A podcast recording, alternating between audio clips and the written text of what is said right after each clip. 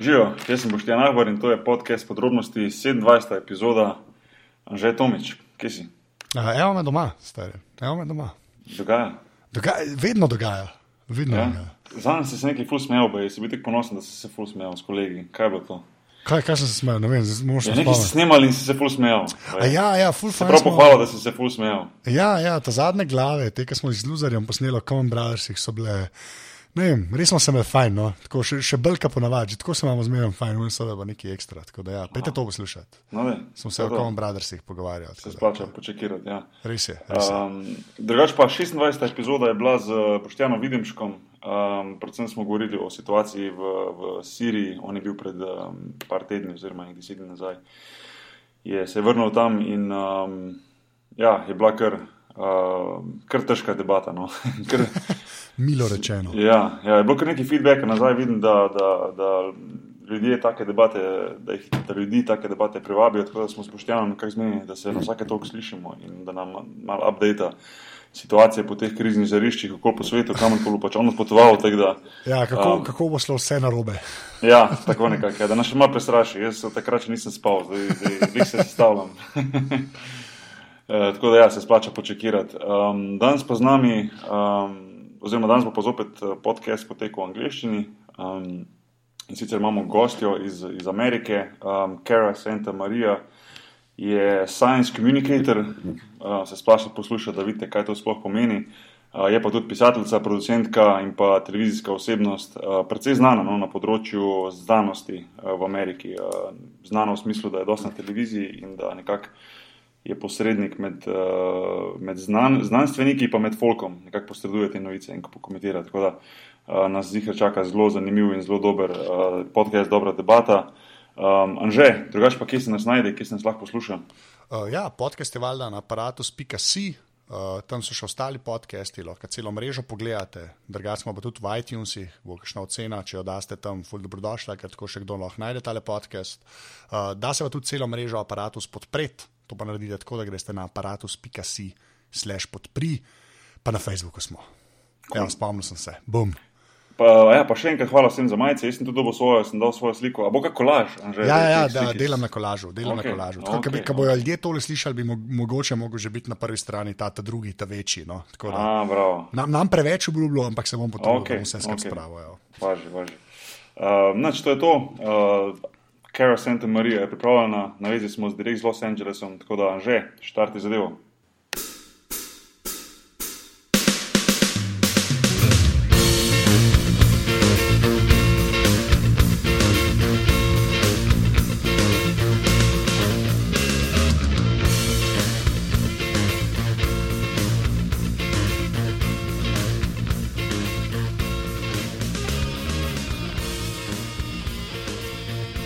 So uh, we have Cara Santa Maria here, um, American science communicator, writer, producer, television personality. Um, she's the host of her own podcast, Talk Nerdy, which is an awesome podcast that I listen to, um, and uh, has done a lot of stuff in her career. Um, I w- I won't be talking about. I'll let Cara um, tell more about herself, her career, and um, you know how she got to a point where she is now. I'm sure um, Carrie have an interesting story. Um, you know, being a science communicator sounds awesome, but uh, you can tell us more about that. So, uh, Cara, uh, welcome to the Details podcast. Hey, thank you so much for having me.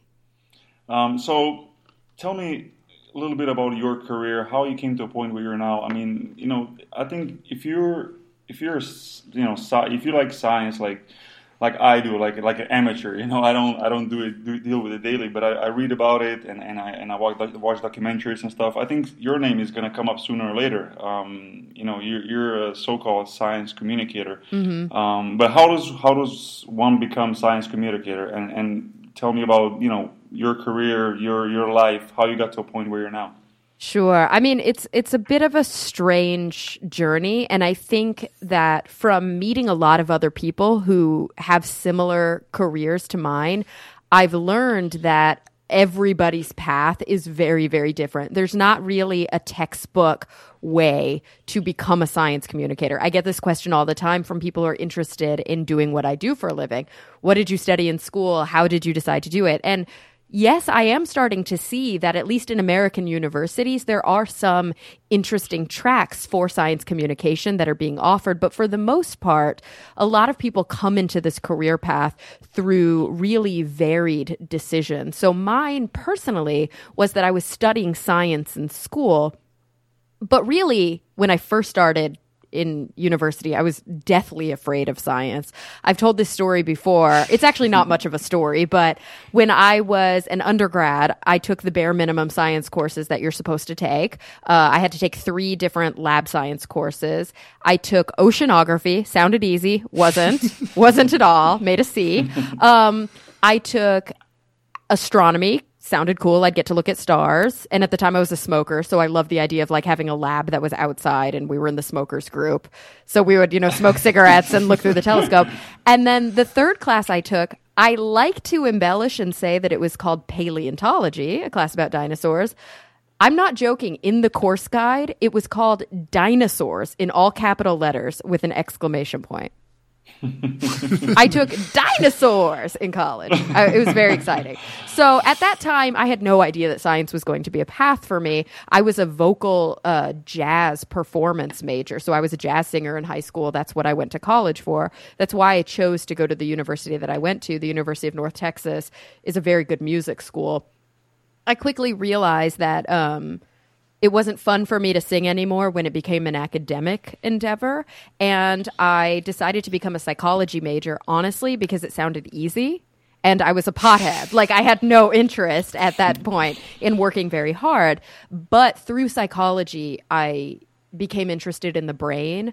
Through psychology, I became interested in the experience of individuals who had dealt with brain damage and it, how that translated to behavior I had an opportunity to do a, a master's thesis and work with an incredible clinical neuropsychologist.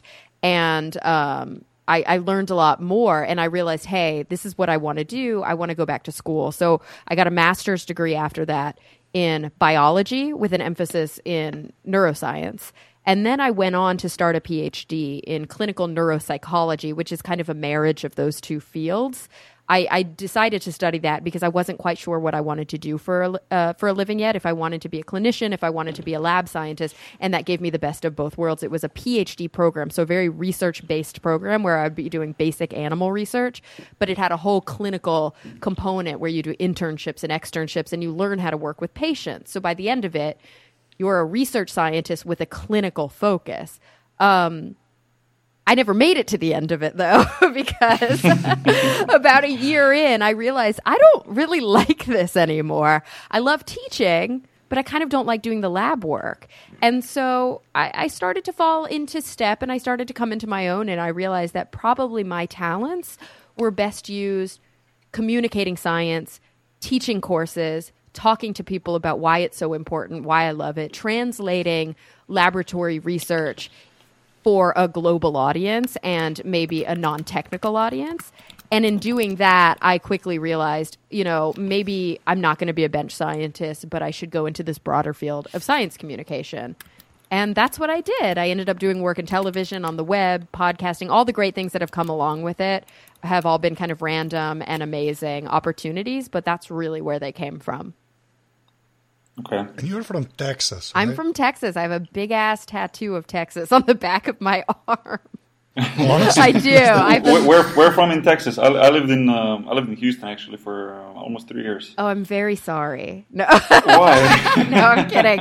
I'm actually from Dallas, from North Texas, from a small okay. town. Well, it's not that small, but from a suburb called Plano, right outside of Dallas. Yeah, yeah, yeah. Okay, um, I know what it is. Yeah. yeah, culturally they're a bit different, but it's still Texas. Houston, I love Houston, and I love the people from Houston, and I have a lot of family in Houston. I personally cannot have uh, handle the weather in Houston. It's, yeah, it's uh, it's humid. It's, it's so it humid. It's like yeah, a muggy yeah. swamp. There's so many mosquitoes, and North Texas is totally different. It's much more similar in some ways to LA. Um, in other ways, it's very different from LA. Obviously, there's no ocean, and the weather is really unpredictable in North Texas. It could be 100 degrees one day, 50 degrees the next day. Those are Fahrenheit people. mm-hmm. Sorry. we use a different system. We use the not as good system in the in the not states. Yeah, oh, oh, wow, that's like really like awesome of you to um, uh, admit that. Oh yeah, it's yeah. it's totally ridiculous. The English system of measurement makes absolutely no sense. In the sciences, everybody uses metrics, and so I have a couple benchmarks and metrics that I really understand. Obviously, in the metric system, freezing, boiling, room temperature, body temperature, they all make sense to me, and they're they're good markers. But when it comes to you know the weather outside, it's a little bit difficult me to convert in my head because I'm so used to using Fahrenheit. Um, But if they're But that's like, the, like I think the weather is the only one where Fahrenheit makes more sense because there's because like, it's more specific. There's more room. Sure. Yeah. yeah, Yeah. yeah, can, yeah, Yeah. it can make it. Because with us, it's like it, it- within five degrees, it's basically too hot and just right. Exactly. know. Yeah. In Fahrenheit, 72 we would say is room temperature, but at 74 you might be like, "Oh, it's it's a bit warm." You know? but um, yeah, no, the English system of measurement makes no sense. It's not based on units of 10. It has no uh, relationship to reality. And it's all just held on to because of tradition, which is idiotic. There's a ridiculous band, and it's not really a band because it's one dude that I love named Atom and his package, A T O M, and his package, his package being, yeah, his package being his guitar and his synthesizer. And he's like this super nerd that really borrows from punk rock culture. Um, he doesn't really make music anymore. I think he's a high school math teacher, but he has uh, type one diabetes, so I think it got difficult for him to to tour. But he has a great song um, about the metric system where he really just piles on about how ridiculous it is that we don't could, use could it. we find it on YouTube? Because Totally. okay, we'll, Yeah. we'll, we'll find that. We'll add that to Totally. the Find that, webpage. yeah. you guys are about to have your minds blow. A lot of people really don't like Atom and his package, and they think I'm insane for listening to it. But if this is your kind of music, you're going to be like, "Holy shit! Why did it take so long for me to find this?" All right, we'll, we'll, we'll definitely check it out. Awesome. Um, um, so um, you, you mentioned, I mean, I, mean, I mentioned the your podcast, and you also said that you got into podcasting. Um, and since we are on a podcast podcast now, um, what's what's your opinion on podcasting in general, um, and and how, how it changed media, especially in the last, let's say, five to ten years or something like that. Um, and and what do you personally personally get from it? Um, obviously, hosting great guests.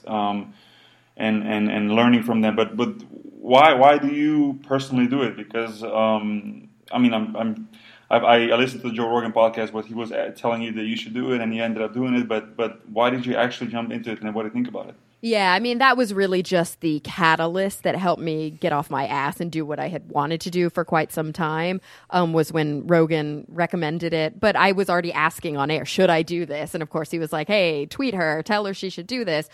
And I got an outpouring of support from Joe Rogan fans and followers, like hundreds of hundreds, maybe even thousands of people tweeting to me, messaging me saying, "You've got to do it. We'll listen." And that really gave me, I think, the um, sort of the security to know that I could do it. But I had been thinking about podcasting for quite some time, and uh, to be honest. There was a time in my life um, when I started this, which was okay. So it's October now. Earlier this year, gosh, was it just earlier this year? I think so. Last year, I started working on a television show. It's an American show. You would not have access to it if you're international, called Take Part Live, which was a live daily news show on the Pivot Network. Pivot, yeah. Yes, it was a- Uh, it's a- is, that, is that a new is that a new network? It's a Because I new network. Yes, it was. Okay. It's uh, the production company Participant Media, which you may have heard of. They're a film financing company and do a lot of really ground ba- uh, groundbreaking, really socially conscious films. So they did. You know, Food Inc. and they did uh, Waiting for Superman Yeah, yeah, yeah. and Okay. you know all of these amazing that they did The Help, all of these amazing films that have a really strong message. And then they decided, hey, we want to do television and we want to do television that matters. And that show, in many ways, really mattered, and it was very close to my heart. I was very close to my co-host, and the experience. Uh, apart from one specific problem, was very important to me um, and meaningful for me. Unfortunately, there was a person who had a lot of power on that show, the person who ultimately had control over the show, our executive producer, whose name I won't mention, um, who was a very difficult person to work for, overtly sexist, had a lot of um, power struggles with me, really worked hard to quote unquote put me in my place on the show. And you can see a transformation on this live daily show over the nine months that I contributed to it, starting in the middle of last year up until I think about March or April of this year, um, where I was told what to say. I was told what I shouldn't say. I was told how to dress. I was told how to do my hair. I wasn't allowed to wear black anymore. I had to wear shorter skirt. it was insane. It was like wear a shorter skirt, wear higher heels.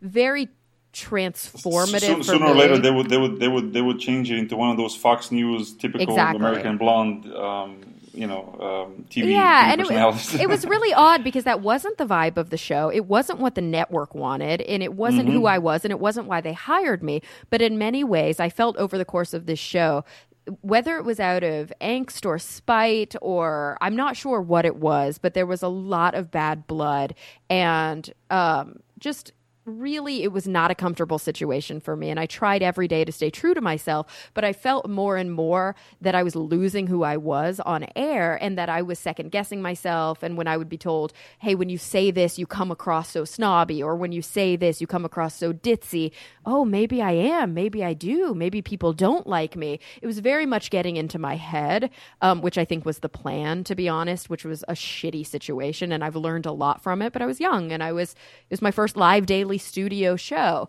so at this time i was losing myself and i was really kind of recommended by a lot of core people in my life joe rogan being one of them hey, you have a strong personality. You are who you are. Your voice is important. And this is a great outlet for you because nobody is there to produce you. Nobody is there to censor you. And you get to be pure. And it doesn't even have to be journalism. It can be if you want, it can be opinion if you want, or it can be clean conversation, clean interviews. It's whatever you want it to be. And in many ways, at that time in my life, that was incredibly appealing to me because I was afraid I was losing who I was. And this was a really solid way to gain it back. It really, really gave me perspective at the time.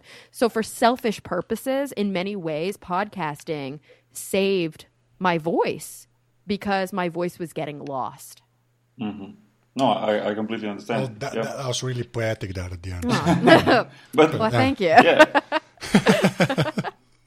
no, but but I, I totally get what you, what you're trying to say, and uh, um, I don't know. Even even from my my my own personal experience, I a lot of things you said, I can kind of um, um, agree to that. You know, um, Yeah. You know, especially giving giving you a voice. Um, you know, I'm in a different different I quote unquote work in a different different field, being a an, an pro athlete, but still, it gives you a chance to to to. Uh, to speak your mind, to say say your opinions, and not to be just that that guy that's on TV for for the duration of the game or the quick interview after the game. It gives you a chance to talk more and to, to express yourself more. So, And um, for you, I mean- definitely what you're saying. for you it seems like it gives you an opportunity to be to be thoughtful and heady and intellectual which is something i'm not sure about barcelona um, i'm not sure about spain in general uh, but here in the states i don't think that there's an expectation that professional athletes have brains I, I think that they're treated in such a way that they're expected not to. They're not expected Yeah. to engage in discourse about politics or about philosophy or about uh, anything of meaning. And so, what a great opportunity for somebody who's like, hey, I'm also somebody who thinks. Like, I yeah, have a well, voice. I mean, thanks. Yeah, but that that's that's in the way that I look at it. Yeah, it gives me another opportunity to, um, like I said, to, to express myself, to give my opinions, and also to uh, to you know meet new people and learn from them. You know, that's that's Sure. another thing, and share that with people. I think that sharing with other people conversations like like this one now, I think it uh, if there's a one person that's going to learn something from this, I'll, I'll be happy, you know, and then share the word forward and so on and so on and so on, and that's that's how how it goes, you know. Sure. And I mean, for me, again, I think that you mentioned, you know, the blondes on Fox News. I'm glad that you're able to bring that up because sometimes I'm not sure how much American culture translates. I know what I know from um, from visiting. I've I've been around the world and I've visited many places, and so I see what I see, and I know what kinds of, you know, generally what kinds of stereotypes are held.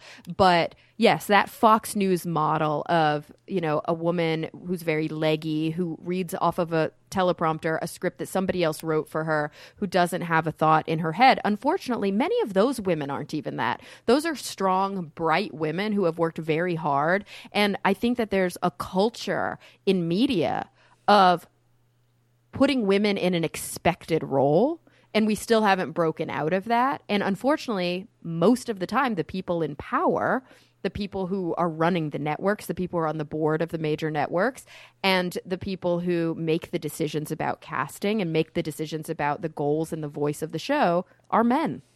And those men have a mm-hmm. very specific idea of how the women on the show should behave, how they should appear, how they should come across. And it's not easy for strong American female journalists or female voices, pundits, whatever, to be able to be their own person because there's so much pressure to be manufactured.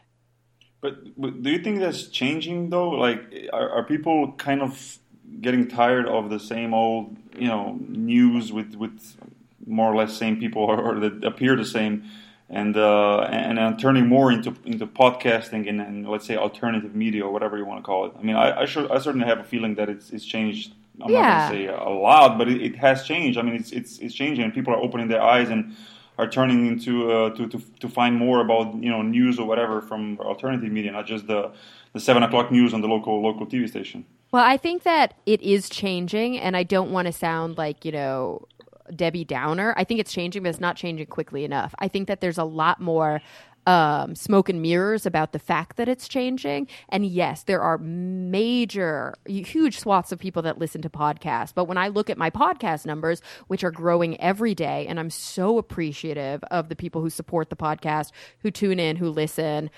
Um, I mean, I absolutely love my listeners. You compare those numbers to a Fox News broadcast or a CNN broadcast, and it's it's it's non-comparable. Yeah, the truth is, we like to talk about how there's this movement of change, of underground, of new media, but the numbers don't add up. People watch Fox News a lot, and the reason that Fox News plays to the advertisers and play and I shouldn't just say Fox News. MSNBC is just as guilty and lately we've seen that CNN is embarrassing about this.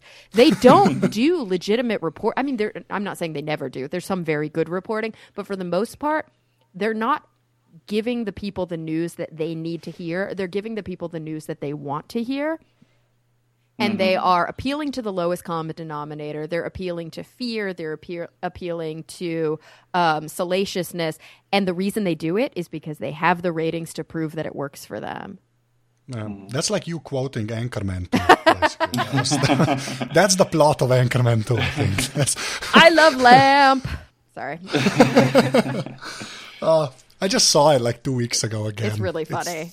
Yeah, it's too, like I actually like the second one better because it's that whole cable news uh, like formation. I- it's just awesome. There are aspects of the second one that I really like better, but then I got to tell you that whole West Side Story street fight. It reminded Yeah. me. It reminded me of the episode of Family Guy where he gets in the fight with the chicken, but it's like the whole fucking episode. and Yeah, you're like, yeah, you're like, it went on too long, people. like this is a bad Yeah, SNL yeah, sketch. yeah. yeah, when, when when Will Smith shows up, it kind of gets I know. weird. I'm gonna give you that. Yeah. exactly. Yeah, but I think like like there there are like a bunch like you said like swaths of people like turn, tuning into alternative media, but like I think that that that you know wave basically needs to swell, and it's going to be a long time before anything gets supplanted. It does. It needs to swell. We need to see more more young people who I think have the that that strength in numbers. I think that we need to see more women. Oh my god, I looked at my statistics recently on the podcast and I get in terms of listenership something like 79% male and 21% female. and I was told, I'm not going to lie, I was told by an advertising company that I was working with that those were high female listenership numbers for me. That advertisers would look at my podcast as if it were a woman friendly podcast. That's a bad thing. It's a bad thing Yeah. when 21% of my listeners are women and that's considered high. That's interesting. Uh, uh, you know, your whole podcast network, um, do you have any idea what the numbers would be? Um, you know, male to No, female because ratio? like over he- yeah. over here, we the breakdown I get is basically by platform. So I'd, I'd actually have to do a survey. That's the way that I knew. But- yeah, it was it was based on yeah, service. but yeah, but, but, but, but if you had surveys to guess, so- I'm wondering, because we I never know. never really talked about about this. If you had to guess, what do you think Well, it we be? do have a show where it's four women talking about movies. That's- so that's I one of yeah. That that must like that has to be the other way around. I don't know. Yeah. It'd be funny. I don't- yeah. Maybe it's 30, 40% women, but apparently it's it's endemic in um in podcasting. Podcasting itself does not have a female audience. They're just not there. Interesting. It's the same. I mean, YouTube is a little better, but it's still predominantly male, and you see it also in America, at least on the on the science leaning net. I say leaning because there's like hardly any science on them anymore. But if you look at Discovery Channel, Science Channel, Nat Geo, Nat Geo Wild, um, they're heavily male. I remember, Honestly? yeah, I remember one time there was a while where Google was doing this thing. It wasn't Google Analytics. It was like Google Insights, or maybe it was Analytics, where you could log in and it would tell you based on all of the scary things they do to track you, like all of those, you know, um, NSA scary things. It would tell you who they thought you were demographically based on your internet searches, and it thought I was a 65 year old man. and that's Okay, I, do, I do not want to see your search uh, I know. That just, that just that just sounds creepy on a couple I know of it levels. does, but you know what? The truth is, it's just because I'm a science journalist, so I read science. I read science Oh, online, right, yeah. and apparently only old men read science. That's bad. We need to change that. Yeah, yeah, yeah. Oh, this just has like all kinds of echoes of Gamergate and all of that stuff. Like, Yeah. it just, yeah, it just gets depressing. It does. It gets yeah. so depressing. It's one of those things where you try so hard to stay out of it because you're like, this isn't my fight.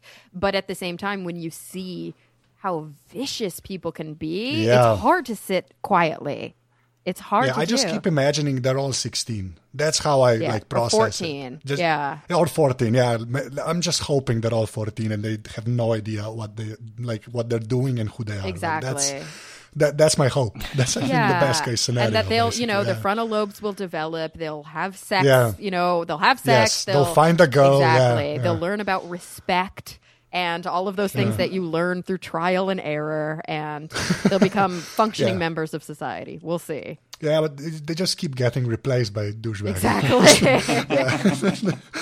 Yeah, I just get yeah, but I did not know that uh, like uh, podcast skewed towards men because I do like I do a really techie show in English as well, Mm-hmm. and I just talk to Mac nerds all the time. So I imagine that's where it gets really like uh, male heavy. yeah.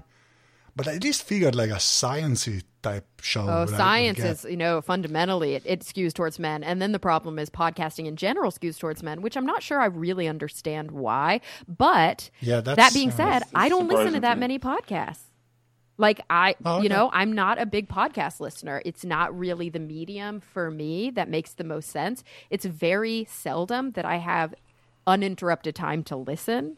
Um, once in a while when I'm in the car for that long, but I don't. I can't really listen while I'm working out. I need kind of music that's upbeat. Otherwise, I'm like, oh, I hate this.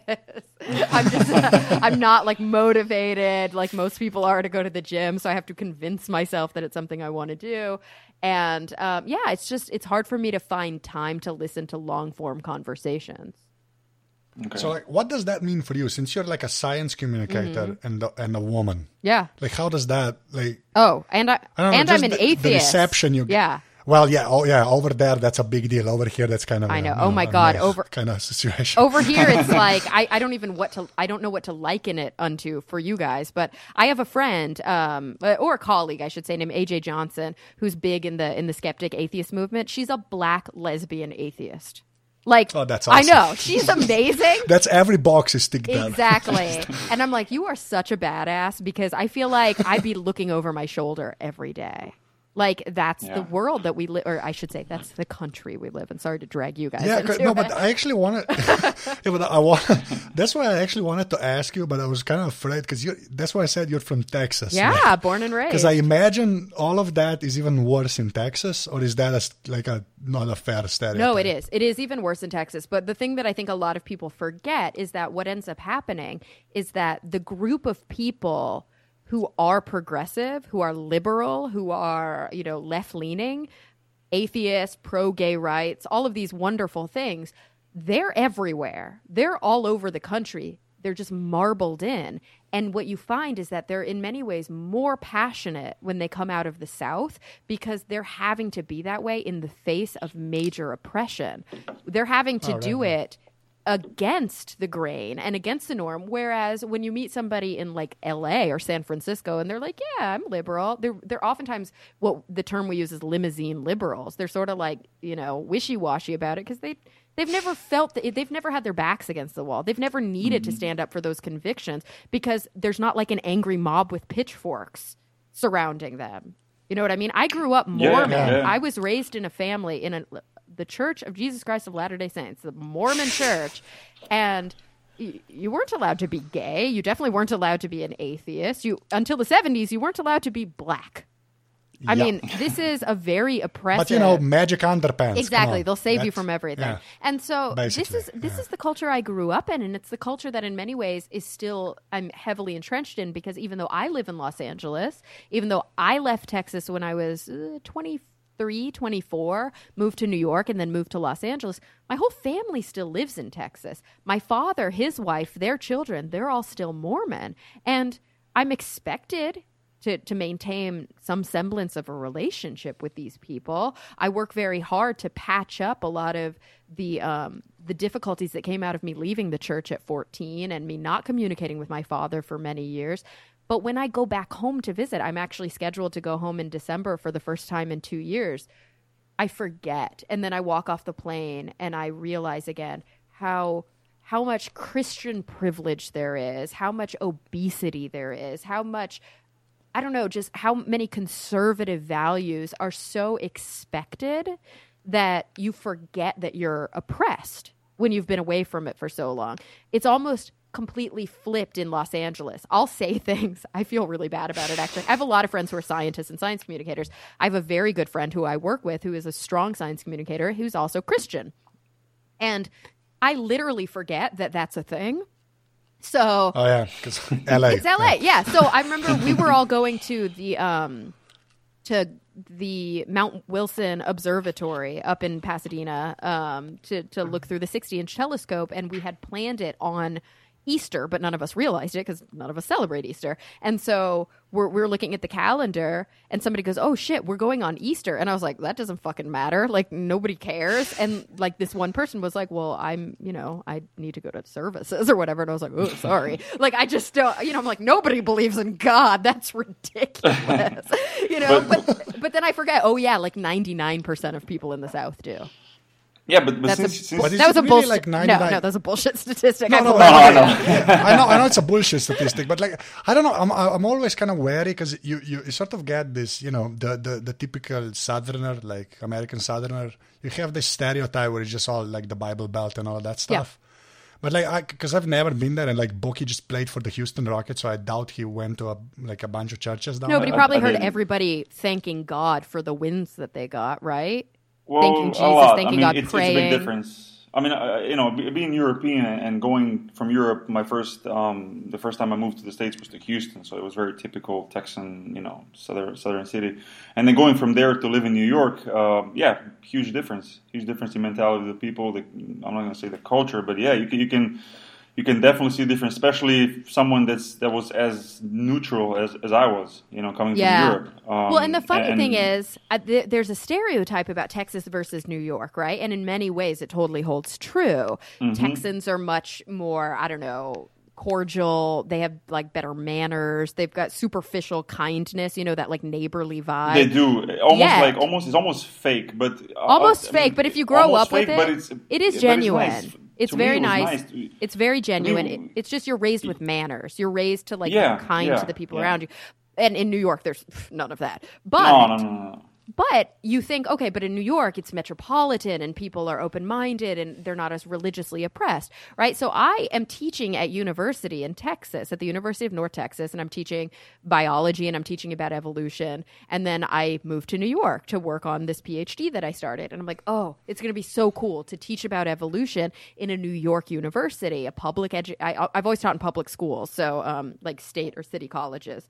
And so oh, it's going to be so much different. It's going to be so much different. So I moved from Plano, Texas to Queens. I'm living in Forest Hills, Queens, and I'm taking the bus every day to Flushing to the Queens College campus of the City University of New York. And I realize like half of my class are Orthodox Jews. And right, this yeah. is a culture that I hadn't really um, gotten to know in Texas because the Jewish culture is just not very big. And so I had a few Jewish friends, but they were all very kind of like reformed. They were really liberal, and I I, th- I thought of like Texas Jews as Democrats, you know. And I didn't realize because they were. I didn't realize that there were like really Orthodox Jews that were just as religious as the Bible thumping Christians. And so I get there and I'm teaching evolution, and these kids are like, You don't actually believe this, do you? And I'm like, Oh God, it's not a belief, it's a scientific theory. And so I have to like go into the whole thing. And literally, people are teaching me things that I didn't know. Like, I'm trying to show a kid how to use a microscope, and I put my hand on his shoulder, and he's very kind, but he's like, You know, professor, like, you're not allowed to touch us like we're unmarried Wow. and so men can't be touched Wow. by by women and i'm like what like there are these cultural Yeah. things that i do not understand because of course i'm like a blasphemer i'm this atheist who doesn't give two fucks about like religious um sort of dogmatic stuff i very much respect jewish kind of secular culture the same way that i respect anybody's secular culture. I respect a lot of the horrible things that a lot of my Jewish friends uh, had relatives that obviously went through, and kind of why they maintain these cultural norms and these traditions. But when it comes to the religious shit, I don't respect much religion. I just don't. And so, Well- you know, there's a huge fight in America right now between Sam Harris and Ben Affleck and Bill Maher and this big group of things over Islam Oh yeah, and that, yeah, it's like everybody's up in arms about it because what ends up happening is you have this liberal guilt, this cultural sensitivity where it's like, oh, I can't say anything um, critical. I'm so boxed into a corner because I'm so concerned. And it's true, there is horrible racism that happens in America, especially right now towards Arab nations. Horrible racism. But people mix that up with intellectual criticism of religious dogma. And so they become so overly sensitive about the racism, which is a completely understandable position to be in, that they become permissive about really bad human rights violations because they're like, oh, well, I'm a cultural relativist, whatever. And in my head, I'm like, no, you don't fucking stone a woman to death for cheating on her husband. I don't care what you believe. It's disgusting. So I have a very different view about kind of religious influence and, and civil Well- rights than some liberals well- do in America. but still, like science and religion throughout history have been, you know, f- let's say, f- I don't know, f- contradicting, fighting each other, or whatever you want to call it. Yeah, a Um, little I'm bit at sure odds it- for sure. Yeah, like exactly. a little um, bit. but but in you, I mean, in your line of work, you probably have a lot of situations where you have to deal with one or the other. I mean, um, how do you? Um, I mean, is your belief that eventually, you know, science and religion can coexist, and if how, like how would how how does a person navigate through that? Because it's a like you said, it's a very touchy subject, and Yeah. I mean, Um, I I still have a relatively moderate view. It, I used to okay, I used to be what a lot of people would call like a new atheist. Maybe they would throw Sam Harris, Chris Hitchens, um, that group of people, uh, maybe Bill Maher into this group or Richard Dawkins, this group of people who are like they might say they're vitriolic about it. They might say, um, you know, they have a zero tolerance policy and that all religion is terrible and blah, blah, blah. And I used to very much feel that way. I'm an atheist, religion is stupid, blah, blah. And then I realized, wait a minute.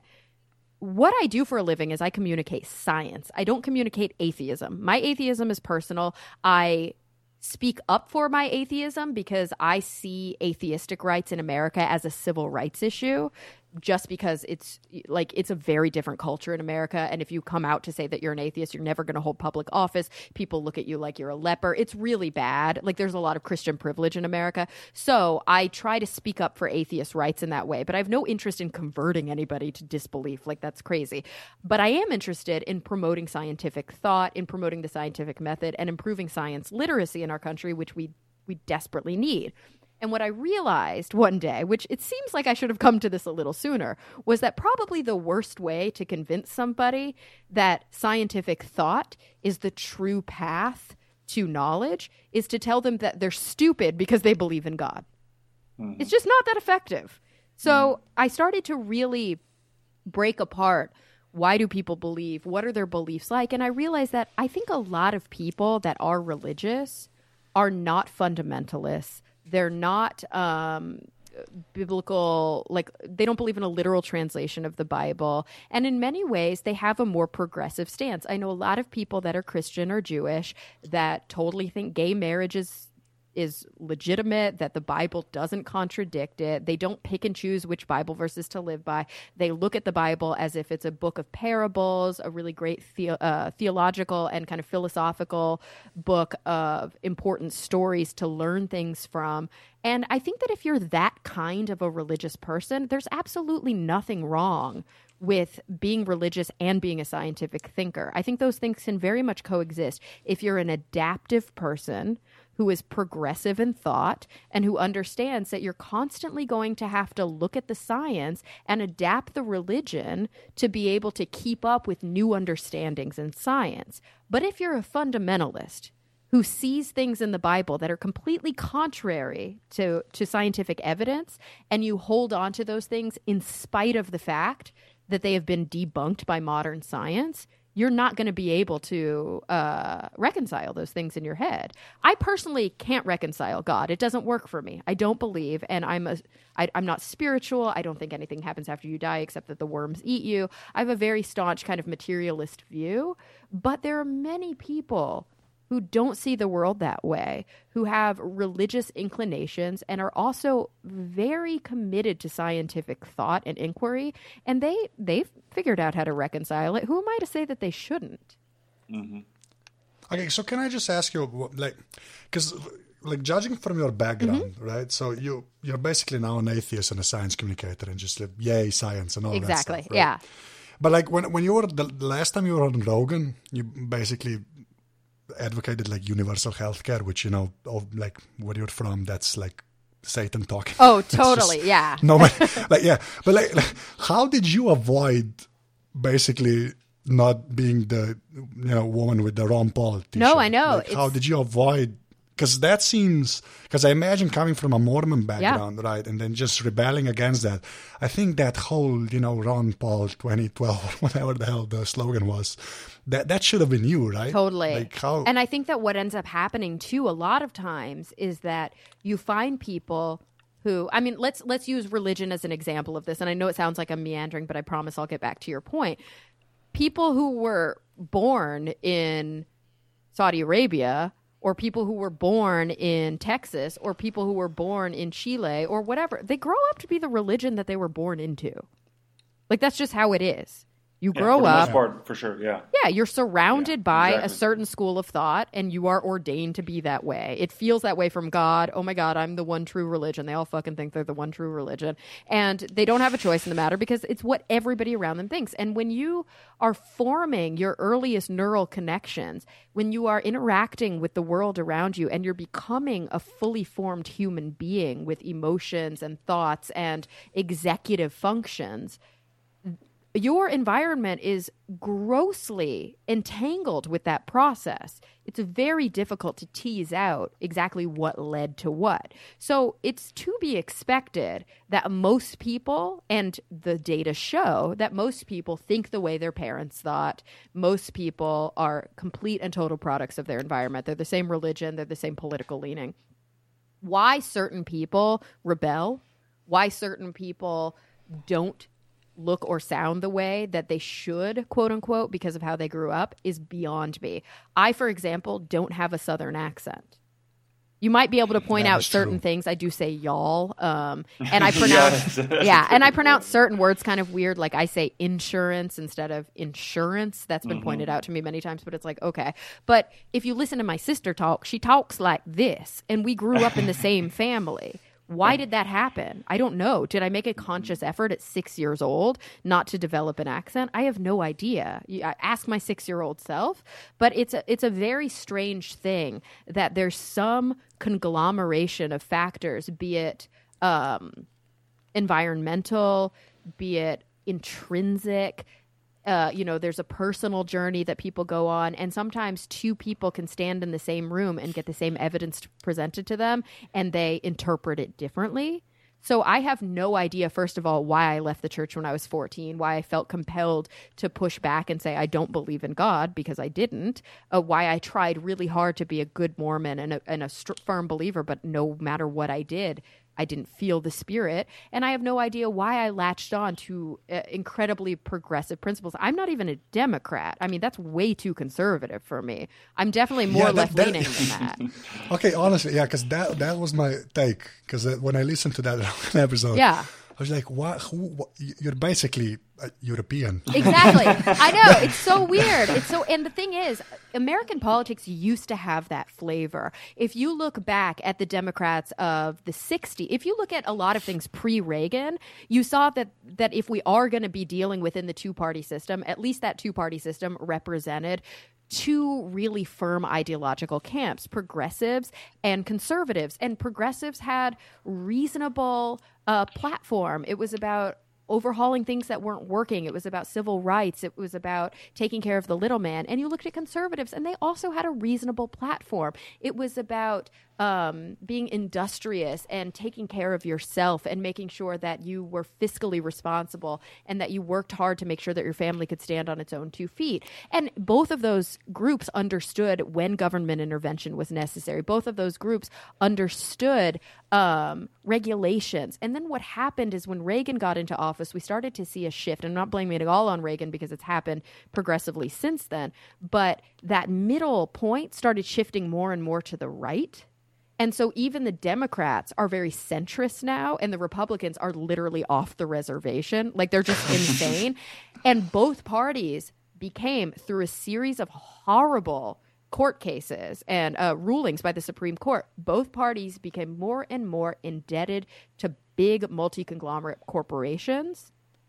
And really, Yes. our governmental policy in America is which business interest has the most money and can give the most campaign contributions to the most influential people. They always win. All of the legislation that's written is written to appease the people who funded their campaigns. Politicians don't actually write laws anymore. They just campaign full time. And it's it's it's a function of money being equivalent to free speech uh, with the Citizens United ruling, but it started long before that when there were no caps put on, or when there was no real um, regulation put on campaign finance reform. It's a it's a huge problem in this country. Yeah, and the super PACs. and This, yeah, that, there should be no, there should literally be no allowed money in politics. If if if we completely overhauled the system so that our um, elected officials, all of them, our legislators and our executor, our president, um, could not campaign with funds from businesses or individuals, we would have a totally different government in this country. Well, yeah, but money's free speech. Exactly. Yeah. Citi- You guys Citizens messed up on United. that Oh one. my God. Yeah. Citizens United was the worst Supreme Court decision that was ever made. Yeah, because basically it all comes like at least from what I've read, like and what we were taught actually, because I'm a poli sci, Mm-hmm. uh, I uh, actually studied political science. That's where it really got off the rails. Oh, completely. And that is that Like- is a textbook definition of activist judiciary, Eh, which it should not happen. The judiciary is a the third because the, our governmental structure, don't get me wrong, is fucking brilliant. I'm a constitutionalist to the T. I love the United States Constitution, and I think it was incredibly well written. And I think that it's been amended because historically people understood too. Oh, we live in a different era. Now we can amend it to fit the you know the vibe of the times, and the amendments make perfect sense. They tried to fucking uh, you know, prohibit people from buying alcohol. It didn't fucking work. They overturned it. Originally, the Constitution was written in a time when it was an incredibly racist country. Not just the country, the entire world was. Slaves, black black people were considered three fifths of a person, which was disgusting. That was amended. They realized this is fucking disgusting. They grew up, they were progressive, and they changed things. It's a living, breathing document, and it's based on very important fundamental principles, which are that everybody is equal, everybody has equal rights and an equal say, and that the government is represented by the people and the way that we can prevent any one group from having too much power like in many monarchy societies is that the executive branch the legislative branch and the judiciary will have different roles and they'll have checks and balances on each other. When everybody starts working in cahoots and when the judiciary starts to legislate from the bench, starts to make decisions that will impact laws, not because they're looking at, you know, how do I interpret the Constitution? Be- because they're saying, oh, if I make this decision, then this is going to be the outcome. And that's a political agenda I have. That's a fucking problem. It's a huge problem. And it's not the way the system Republicans is supposed to work. The Republicans, the, the last two Supreme Court justices, right? No, the the, the last one was a, a Democratic appointee, yeah, right? because- the, the woman, right? I forget her Yeah, name, because like the- Obama's the- been in office now six years, Yeah. so we, so he's been able to do that. But there was a you know a long stretch of Bush before that, then Clinton, but then there was Bush before that. So yeah, Alito and the, the, the Chief Justice, right? Roberts, or, never forget the names right, right? Uh, there's Yeah, those. The, there's a bunch of terrible justices on the Supreme Court right now. yeah, you guys are screwed, basically. Oh, Like, completely. I don't know how that gets better. Like that does not get. Oh, better. I mean, and that's the thing about our system is that the justices basically die. They have to die before there's a new seat that opens up. So, I mean, it's it's yeah, it takes a while. it takes a while. I mean, some of All them right. actually um, retire. Like that has happened. Uh, Sandra Day O'Connor retired. She was amazing. She and she was a Mm-hmm. Reagan appointment. But I mean, Scalia, holy shit. Yep. Scalia- He's gonna, he's just gonna be there. Oh right? my god! He's not leaving. and leaving. he's so Like, old. I'm just looking it up. He he was born in 1936. He's so old. Honestly, Yeah. he looks way better for like a guy that No, old. 36. Like, he- yeah, he's old. He's an old man. oh man. wow! Mm-hmm. Yeah. And he's been he's been a justice for 28 years. And done nothing wrong since. Okay, no. All right. Uh, to, to move away a little bit from the. Hey, yeah, let's Talk talk, more about about wonky politics. American politics. Yeah, no, sorry Yeah. guys. We're going to turn into a real political show here. Um, but uh, Kara, which um, which area or which field of science is the most most interesting for you? What do you what do you like to work on the most? Yeah, so, because it's a pretty wide science is a pretty pretty wide um, how to say term. You know, what's, science what's your, is huge. So Yeah, I exactly. my focus is neuroscience. That's what I I got into Mm-hmm. academically because I was really interested in human behavior and how it's reflected in the brain. I have a very strong sensibility and it's not uncommon with modern neuroscientists that the mind and the brain are the same thing that mind is an emergent property of the brain that for example mental illness which is an important field for me is um is biological illness. It's fundamental to problems with the brain, and that we should be approaching psychiatry and psychology from a biological medical perspective. Um, so th- that that's really fascinating to me. One of the earliest things I read was um, "The Man Who Mistook His Wife for a Hat" by Oliver Sacks, which is an incredible book of clinical tales about people with fascinating, devastating, beautiful, and inspiring uh, cases of brain damage. And it really shows how much we how tenuous it really is for all of us and how much our personalities are shaped by the way that our brain works. And so this book, if you haven't read The Man Who Mistook The Man Who Mistook His Wife for a Hat, you're really missing out. I very much recommend you pick up this book. It changed my life. It might change yours too. Um, but the cool thing is, as I got into science communication and science journalism, my uh, horizons really expanded. I was no longer just allowed to talk about the brain and the things I'm comfortable and safe knowing about. I had to report on space, and it was like, oh fuck! Uh, remember that astronomy class I took where I smoked a bunch of cigarettes in college? like, uh, I have to remember things from that. No, that's the great thing about being a journalist is that you get to learn with your readers and with your viewers. So I've been really uh, blessed to be able to go out on trips you know, I went to uh, Alaska to learn about genetically modified salmon, and there's a chance that I'll be visiting Antarctica soon, and I get to, you know, learn from amazing. Uh, like astronomers and amazing chemists and and biomedical scientists in fields that I don't know anything about and I get to ask them cool questions and learn about what they do. So I'm very lucky that even though I'm not trained in in other fields of science, I've been able to kind of uh, I don't know, like scratch my curiosity itch a little. The one, the one field that I have to say I'm just like a total fangirl of is paleontology. I love dinosaurs, and if you guys could see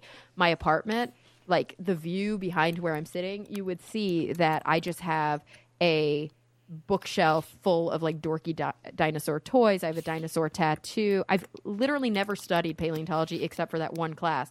Dinosaurs in all capital letters. Um, but I love them. I love them. They're a, a fascination from childhood that I never lost. And I partially attribute that to the fact that I've always been something of a materialist. I think it's innate in me. I it was hard for me to try to believe in God. I don't remember ever believing in Santa Claus. I have a hard time watching television shows with um, fantasy components. I never I was never compelled or emotionally um, interested in unicorns or you know monsters or dragons. so you're gonna tell me you're not watching Game of Thrones? I don't watch Game of Thrones. Oh my god! That is Yeah. just That's that's what a, everybody that's says. sin. That's what everybody says. But the thing is, for me, dra- dinosaurs are dragons that actually existed. Well, yeah, but oh, we're not going to go. I into know that it's a 'cause different just- thing. yeah, I know it's- it's a hard time. It's a hard thing for me to suspend disbelief. It's something I've been working on, honestly, because I want to appreciate the fantasy culture that a lot of my friends do. I mean, I'm a nerd. Yep. It's like I'm surrounded by this all the time. I need to learn to appreciate it. but there is something so beautiful to me about the paleontological story. It's probably the greatest detective story of all time. The Earth has all these amazing clues buried deep within it from a time that we simply don't have access to, and we get to, like modern day, a modern day Sherlock Holmes, put together all of these clues to understand a world that we will never be able to live within, and it's just a it's a beautiful thing. Um, okay, Kara, the uh, the hot topic to say like this uh, lately has been Ebola and uh, the whole spread of, of, of the virus and so on and so on. And you know, uh, you know, following the some of the, the U.S. media, I mean, it seems like there's a mass hysteria over there about about Ebola. How? I mean, I, I, I saw I think one or two of your interviews or TV um, appearances that you had on this topic. Um, and can you maybe talk about it here and share with our audience your opinion about it and your view about it and how, how dangerous is it is it really and how afraid should we be of, of Ebola? Sure. So, I mean, the first thing I'll say is that it it, it ashames me uh, that my country it, it makes me feel guilty that the American media only gave a shit about this horrible uh, crisis in West Africa as soon as one of our own was infected. Like it, that, it somehow it was covered, but not to the extent that immediately when an aid worker was going to be sent back to an American hospital near the CDC, people went fucking ape shit. And then more recently, when a man actually traveled here from West Africa and then um, showed signs of Ebola later, and recently he passed away, which is very sad. He was in Dallas, Texas. People like I got a text from my mom the other. My mom and I were talking about my trip to go home. And she just said the most astute thing because she was saying people are flipping shit in Dallas. They won't go near the neighborhood where this guy lived. And she texted me something that said, um, ignorance and fear are, I think it was something like, ignorance and fear are a, are a deadly combination. And it, it's so true. Like, this is a function of people not understanding the difference, for example, between how infectious something is and how contagious something is. This is a function of people looking at human beings as if they're somehow different if they're not from your tribe, which is absolutely disgusting. And uh, this is a function of the media really pandering to our most base fears and concerns instead of actually communicating truth. And so I'm not concerned about Ebola in my backyard at all. I shouldn't be. I shouldn't be wasting resources on that. I'm not concerned that there's going to be an Ebola epidemic in the United States. Our healthcare is absolutely stellar. We know exactly what to do. We know how to quarantine individuals. And yes, it's incredibly unfortunate that one of the nurses who was working um, with this man who recently passed away from Ebola in Dallas, uh, we just found out that she became infected. Yeah, She was like she her part of her neck or something was like exposed or I read something, Yeah, but I'm not inc- sure. It's just like maybe negligence or um, negligence, Right, or it's know. a mistake. You know what I Mistake, mistake, mean? It's like you yeah. Mm-hmm. try your best and mistakes happen. It's incredibly unfortunate, and I really hope that she pulls through. But the truth is, we're not going to see then 10 more people get infected, then hundreds of people. It's not going to happen here because we have protocol protocols in place and we don't have some of the cultural blocks that are causing Ebola to spread like wildfire in West Africa. The reason Ebola is spreading in West Africa is because the resources aren't there.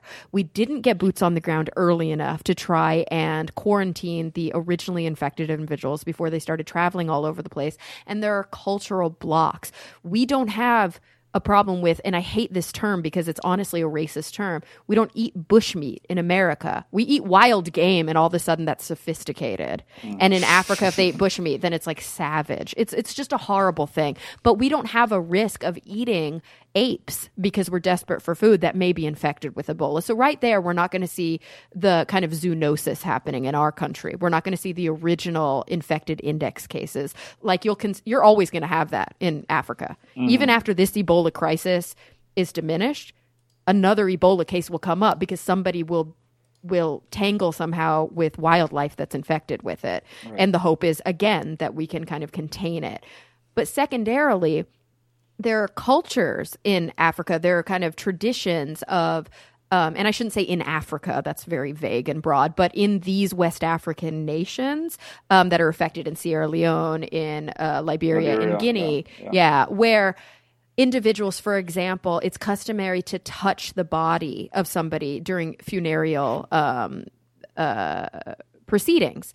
Well, you cannot touch the body of, of somebody who died of Ebola right you will right. likely get sick right. and they do it anyway because that's a it's a custom mm-hmm. there's also a problem with fear mongering where you know there are ideas that for example the doctors brought in Ebola because they're trying to steal um, your blood. This is a this is something that's been told around different villages, and people become afraid. Also, look at it this way: you're an individual. Somebody in your family gets sick and then they die. Somebody else in your family gets sick and then they die. Then doctors, European doctors, American doctors start coming in and taking people away from your house.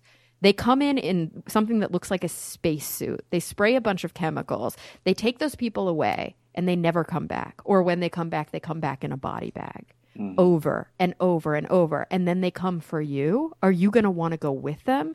This is a problem. It's a problem of education. It's a problem of historically having so many lines crossed when we communicate with indigenous peoples and not trying to understand their culture and how we can work with their culture instead of working against their culture to communicate some sort of quote unquote Western medical agenda.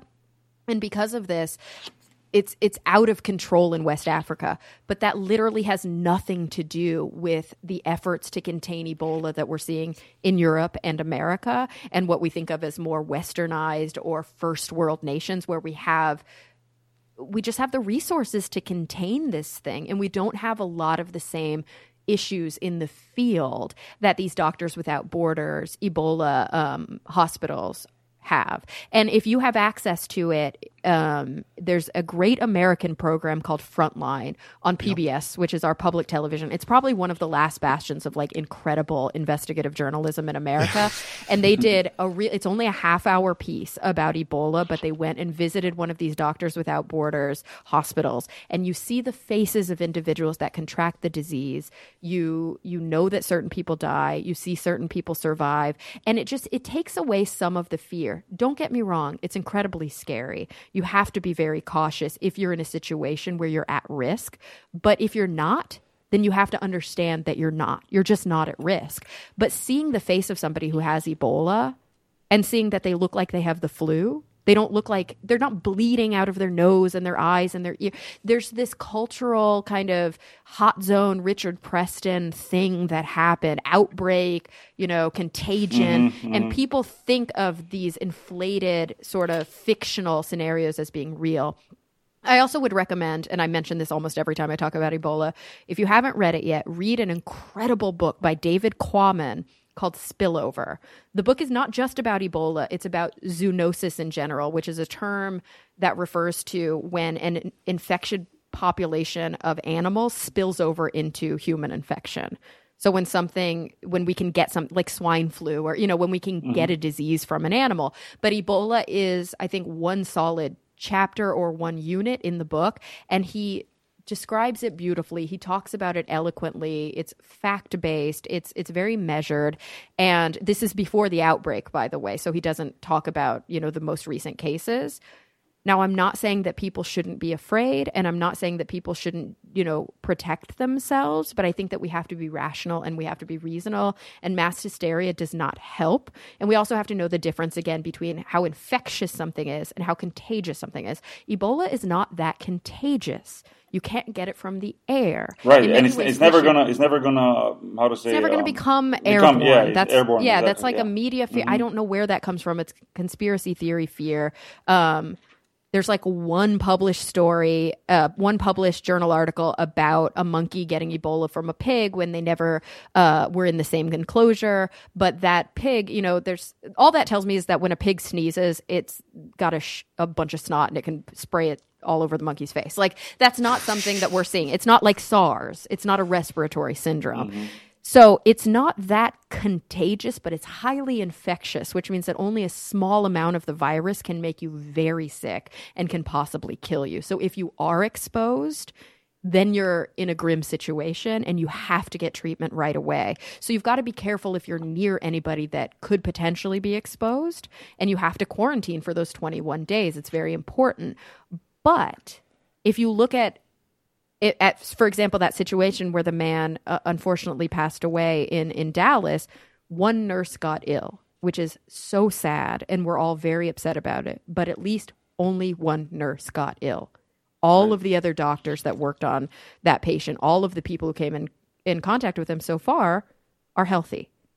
Right, and and, And and, and, we look at all this, and like you said, it is sad and it is it's it's it's really unfortunate. And like you said, um, hopefully, you know, the people who are infected they they pull through. But if you look at all the statistics about all the other health problems that people have in USA, um, you know, because over, you know, like you said before when you mentioned Texas, overeating or obesity, um, you know, and Yeah. and, and heart heart diseases and and lung cancer and and so on and so on. And then one one um, Ebola case comes comes through, and it's, it's it seems from over here it seems like there's like a almost like a panic over there. That's what I'm trying to say. From There Europe, you know, It's because there's there's a. I mean, I know this is the wrong word to use, but there's a sexiness to it. The media can show that that picture of the Ebola virus, and they can talk about, oh, it's a hemorrhagic fever, and people have internal bleeding, and they dramatize it so much, and we have an emotional response to that. But the truth is, not once have I really seen a strong story other than the frontline piece about the lives of the people who are actually affected. Not once am I seeing an empathetic coverage of this massive uh, humanitarian crisis that's occurring in West Africa right now. Maybe we should be a little bit less concerned about whether or not, oh my God, am I going to get Ebola because I take some random flight from JFK to LA?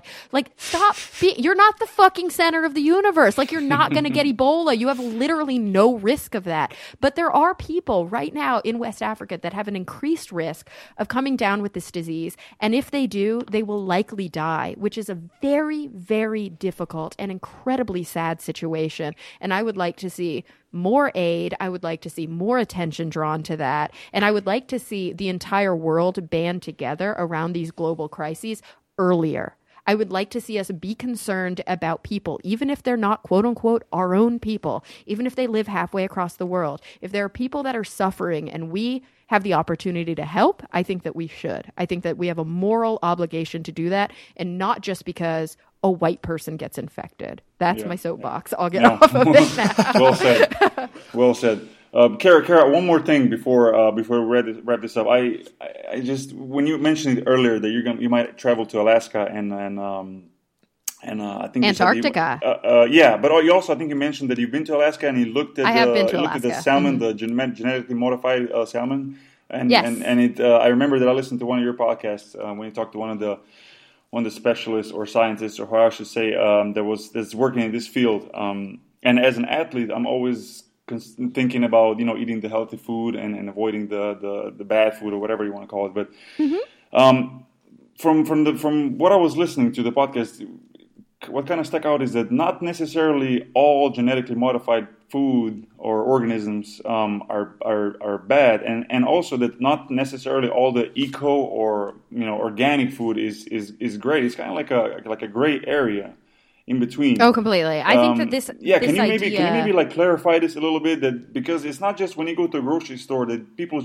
I mean, at least I was like this up until I listened to the podcast. That whenever I saw a genetic modified modified sign, which we have in a lot of stores in Europe, um, I would I would just look away, and when I would see something organic or eco, I would just grab it right, right away. Um, You know, can you maybe Mm-hmm. and that's like all yeah, marketing. Yeah, it's marketing. I mean- it's a way. It's a way for companies to learn how to make money. I mean, here. There's a great thing that's going viral right now that, that one of my Twitter uh, followers forwarded to me, and it's like a little Jimmy Kimmel sketch where they went out to a farmer's market in Los Angeles and interviewed people at this farmer's market, and they were like, "Do you avoid GMOs? And they were like, Of course. And they were like, Why? And they were like, Because they're bad. And they said, Why are they bad? Like, tell me what a GMO is. And not only did they not know what the word stood for, they didn't know anything about it. So they just knew it was bad. Mm-hmm. And this is a big problem with science literacy. And I don't think it's specific to America, I think it's a global problem Yep. Genetically modified organisms, or I should say more specifically, transgenic organisms, which is what most people are referring to when they say GMO, because all organisms at this point, not all, but most are genetically modified. They've all been crossbred over, you know, like agriculture's not Yeah. quote unquote natural. over like millennia, so, over, over hundreds or thousands of years. Oh, It's not hundreds of something that happened thousands of years. Exactly. think, No, no, no. Yeah, yeah. But transgenic uh, modification is a very recent, well, semi-recent phenomenon, last few decades. Um, and this this specifically involves going into the genome and either extracting or adding specific genes that have that confer certain kind of functions, certain phenotypes to the organism. So maybe I want to make an organism more hardy. Maybe i want to make it spoil later or you know have a thicker skin be pest resistant you know whatever the case may be. That's what i'm working on. And that especially comes comes into play in in in, in the like the areas that has have food food uh, shortages, right? Like I mean, Completely. like I mean, don't get me wrong. Like there are large corporations that are doing this and why are they doing it? They're doing it to make money. Money, Like of course. Yeah, yeah. But there are also incredibly good uses and I always try to liken this unto like for example, big pharma in America and I'm not sure if this will translate for you guys, but there are a lot of people who are really upset with the way that pharmaceutical companies are run in America. They they're able to market to people individual, they they hold patents for years and years and years and they make so much money um, at the expense of people's health. But nobody throws the baby out with the bathwater. I've never heard somebody say, I don't trust big pharma, so I'm never going to a doctor again. I'd rather just take herbs. No, that's insane. And I think people have the same weird knee jerk reaction with genetically modified organisms where they say, I don't trust Monsanto, so I'm not going to eat GMOs. And it's like, yeah, I don't trust Monsanto either. They have business practices that I disagree with. A lot of those claims are overblown, though. A lot of it is propaganda. And so I do implore people to please do your own research. And if the article you're reading is on the website www.gmos are horrible and you're going to hell if you eat them.com, it's probably not the best source. Um, I just made that up, by the way. so do do do the research. Try and inform uh, yourself, but just because you don't like this company doesn't mean that you should throw the baby out with the bathwater and be against the process. Mm-hmm. Genetically modifying organisms is a necessity. It is a global necessity to feed a growing population, to make sure that we have fresh food that's not spoiled, that's not being eaten by bugs, and that we can transport across the world so that you can have your precious pineapples, even if they're not growing in your ecosystem. So it's like, in a lot of ways, I feel like the people that complain about genetically modified organisms are it's it's a first world problem. It's kind of a yuppie person problem. And because of that, I mean, I'm always wanting to educate and inform and have you know a really um, i think an intellectual discourse we can have strong arguments if you want to talk about labeling that's a different issue than talking about whether or not they should be commercially available but the truth of the matter is i want to see somebody who is living in one of these places let's say like liberia or guinea or sierra leone who's anti-gmo because i'm telling you those arguments aren't popping up in those kinds of places no, That's I, the I, yeah. no, I, I was this summer. I was in I was in Chad. I was in Africa on a um, Mm-hmm. uh, UNICEF mission to uh, you know see the area and and to um, uh, basically um, gather as much as video um, material for the for different different kind of campaigns and. That's why this I find this connection. You know, the people over there definitely would not um, complain whether it's a GMO or not. They would. They're No, can you for- imagine- for- yeah, exactly. You go to a local farmer and you say, okay, these seeds, you know, grow rice. These seeds grow rice that's fortified with vitamin A, or these seeds grow tomato. Well, there are no GM tomatoes yet on the market, but let's say these seeds grow corn, but these seeds grow corn that are resistant to pests. Who? What are they going to choose? They're going to choose the one that gives them a better yield. They're going to choose the one that makes a healthier product. And the reason is because the fundamental goal of farming is to feed people. Now, if you want to complain about the fact that the U.S. has corn subsidies and those are conferred to these different uh, seed companies, and these seed companies are patenting their seeds and all this bullshit around this problem, which I have philosophical arguments against, that's fine. But don't simplify it don't say, oh, it's because GMOs are bad. There's no nuance in that argument. There's no context. And it's it's putting a wrench in a technology that is literally saving lives, and that's why it matters so much to me. Mm-hmm. Yeah, no, it's it's it's important. I think especially like I said, it comes into into play. You know, poor the poorest areas when it's or whatever it's hard to grow food, but but the growing population all over the world. I mean, needs needs uh, you know need, needs food, needs more and more. Um, the, the only the only problem that I really have with, with with GMOs and the companies is the way you know, at least from what I've read and what I listened to, is the way they quote unquote enslave some of the, the farm you know farm uh, farm not pharmacists but um, people uh, people who work in farms just because they have to buy their seeds and have to be dependent on the seeds and um, Well, and, and again, that's that's a problem in some ways. That's a problem with monopolies, and so it's up to a government to bust monopolies. That's what we need to have regulations for. The truth is, nobody has to buy a product unless they don't have any other options. So this seed company who has this seed, if there's a mom and pop seed next to it that doesn't have those genetic modifications, nobody's saying you have to buy Monsanto seed. Buy the other fucking seed. The reason farmers buy Monsanto seeds is because Monsanto seeds work. They buy them because they're able to get a, re- a, a reliable product out of it. Now, if they're in a situation where you're right, they go to the seed store and there's nothing else on the shelves, that's a problem. Mm-hmm. But that's not the fault. Uh, well, it, in some ways, it probably is the fault of the company because the company has probably got their hands again in the legislators' pockets. But it's the fault of an entire system that's allowing a monopoly to thrive, which is very detrimental for for a thriving economy. So that's a different just argument. different. Yes, yes. No, I understand. But the seed itself is there's not been one legitimate published study that shows that it has any risks to health or human safety. Yet people consistently report that GMOs are unhealthy for you. And I've they're literally making that up. They're making up it's it's total propaganda. I'm, I'm, I'm not gonna lie. That's how I am. When I go to the store, I grab the organic, organic Exactly. uh, whatever you know. Exactly. Well, the next time you look at like a can of Coke, it'll probably say on it all natural. Like these are just buzzwords that help them sell their product. And we've got to remember that. We've got to not be such dopes when we go in as consumers. We've got to educate ourselves so that a green leaf on a package doesn't make us buy the thing that costs $3 more. That's the exact same food, you know? and, and which You're basically fa- paying for the green leaf on the back. exactly.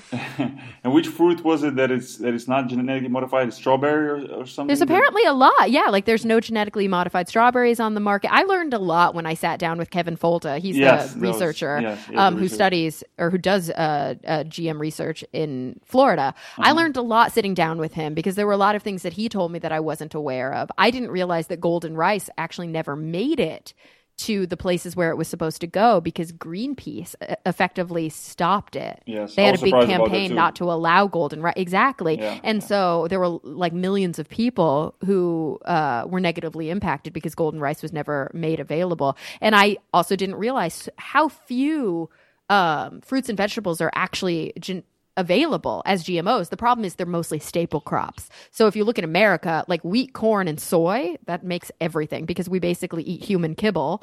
We just eat we eat carbs that are made out of wheat, corn, and soy every day, Yeah. and that's another issue because we have kibble. yeah we have ridiculous like corn subsidies in this country. So corn Yeah. is cheaper than like it's oh, like there's this awesome documentary. Was King Corn?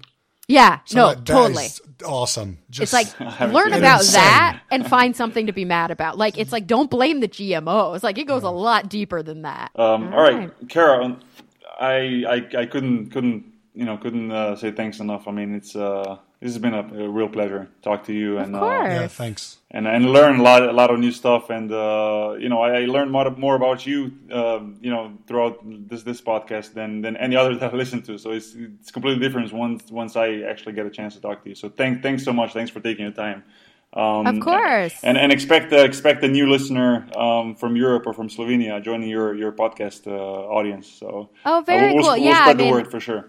Great. I'm always really excited when um, I look at my stats and I see that I have a growing international audience. And so, um, thank you so much if you're listening to this right now. If you are interested in going to like iTunes or Stitcher or wherever, whatever uh, Yeah. RSS reader you use, Talk Nerdy with Cara Santa Maria. I'd love to have you. And also, oh, on Twitter, because everybody's on Twitter now, Yep. I'm at Cara Santa Maria. Uh, so follow me and I'll say hi. Awesome. Cool. yeah, like it did to me. I was really surprised when I when I tweeted you. I was like, "Ah, for sure, she's too busy. She doesn't know what she's gonna answer." But it did right away, and, and we got in touch, and we here we are talking. So thanks, thanks a lot. Um, yeah, you, I love the internet. It's so cool. It's awesome. It's magic, basically. It is. It really That's, is. uh, Anže, Anže, where can uh, where can people find us? Where can people find this podcast and um, all that stuff? Uh, the site is the thedetailspodcast.com. And then we're also in iTunes. So if you leave a review there, that'd be great. And uh, that's pretty much it, right? That's for the English stuff. That's pretty much it. Yeah, uh, yeah, and with we're the also Slovenian- on with Twitter. the Slovenian version, Yeah. we have a lot more. Um, Yeah, because there's like a whole about. network and all of that. Yeah.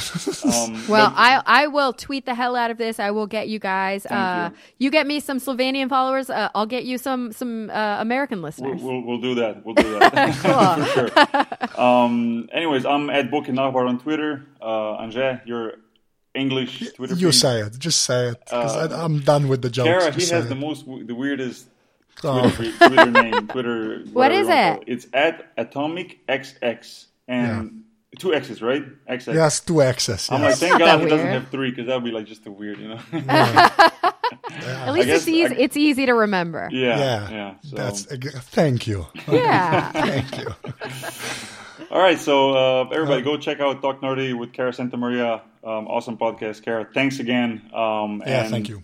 Um, you know, we'll, we'll keep in touch. We'll we'll definitely let you know when this podcast comes out. It should come out on Monday. The it's like four days or something like that. So Oh, great. um, yeah, thanks again. And Thank um, you. Bye. Goodbye to to LA. Thanks. bye bye. All right, bye.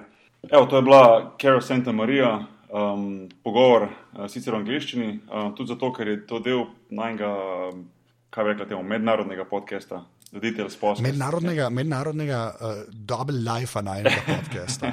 veš. Ja, The Details Podcast je podcast, ki ga delamo v angleščini, tudi na 14 dni. Um, tisti, ki mogoče imate možnost, da tega ocenite v iTunesih ali pa malo deliti uh, to besedo z vašimi mednarodnimi kolegi. V tujini. Um, Drugač pa ja, uh, meni je bila, meni je bila ful zanimiva debata. No, jaz tudi marsikaj novega se naučiš, pa, pa se mi zdi, da je res ona taka kul punca. Um, tako da um, hvala sem, da ste poslušali. No. Že je bilo kul, ne? Ja, kul. Ja. Pa poslušajte njen podcast, ker je dejansko mm -hmm. fajn. Ja, ima tok, Tako kul, ful, ful dobrega gosta ima. Pač Tok, tok ful, nerdy ful podcast se dobrega. reče. Ja. Dobro, ima ful dobro Ja. dela, pa ne vem, vidi se, da zna, mislim, da ve, no, je z tega področja, tako da, tako da ful. Ja. Ja. Um, Anže, uh, kje se nas lahko sliši tako naprej?